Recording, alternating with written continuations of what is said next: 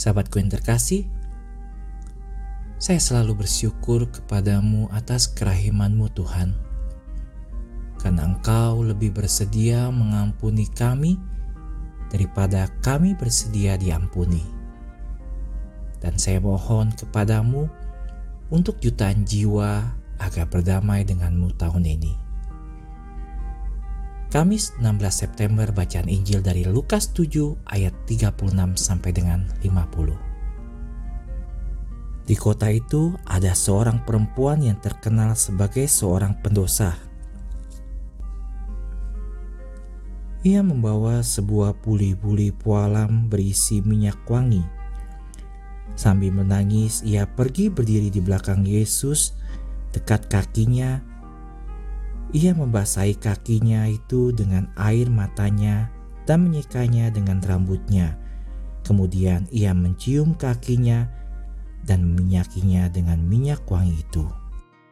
Yesus berkata kepada orang Farisi, "Ada dua orang yang berhutang kepada seorang pelepas uang.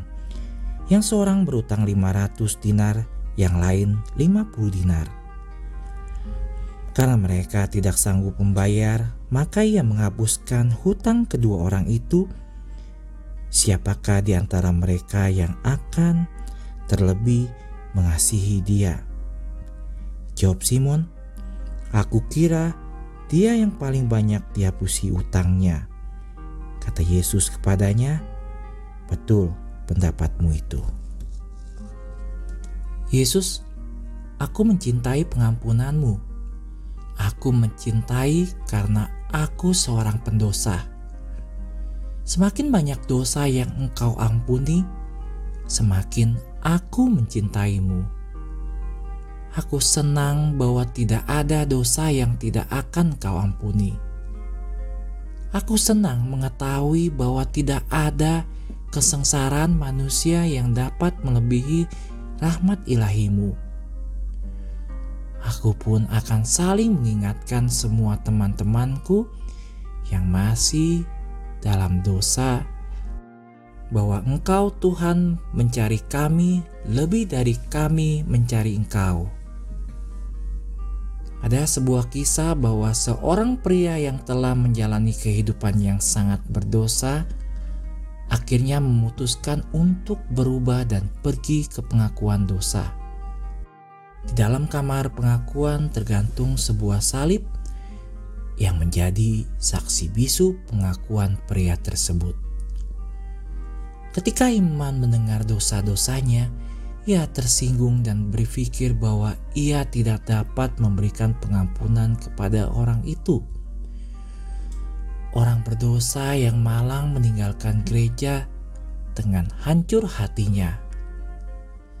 Tetapi di depan gereja ada seorang pemuda yang mendekatinya dan berkata, "Kembalilah dan coba lagi." Pria itu ragu-ragu, tetapi pemuda itu terus bersikeras sehingga ia menyerah dan kembali ke kamar pengakuan. Pendeta itu terkejut melihat dia kembali dan hendak menyuruhnya balik untuk kedua kalinya. Tapi sahabat, tiba-tiba tangan Kristus pada salib itu terlepas dari paku. Sambil menunjukkan bekas lukanya itu kepada imam, Yesus berkata, "Beri dia absolusi. Lihat betapa besar pengorbananku." Sahabat,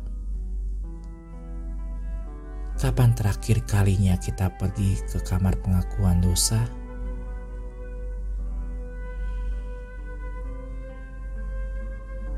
Saat pandemi ini, apa yang sudah kita perjuangkan untuk bisa melakukan pengakuan dosa?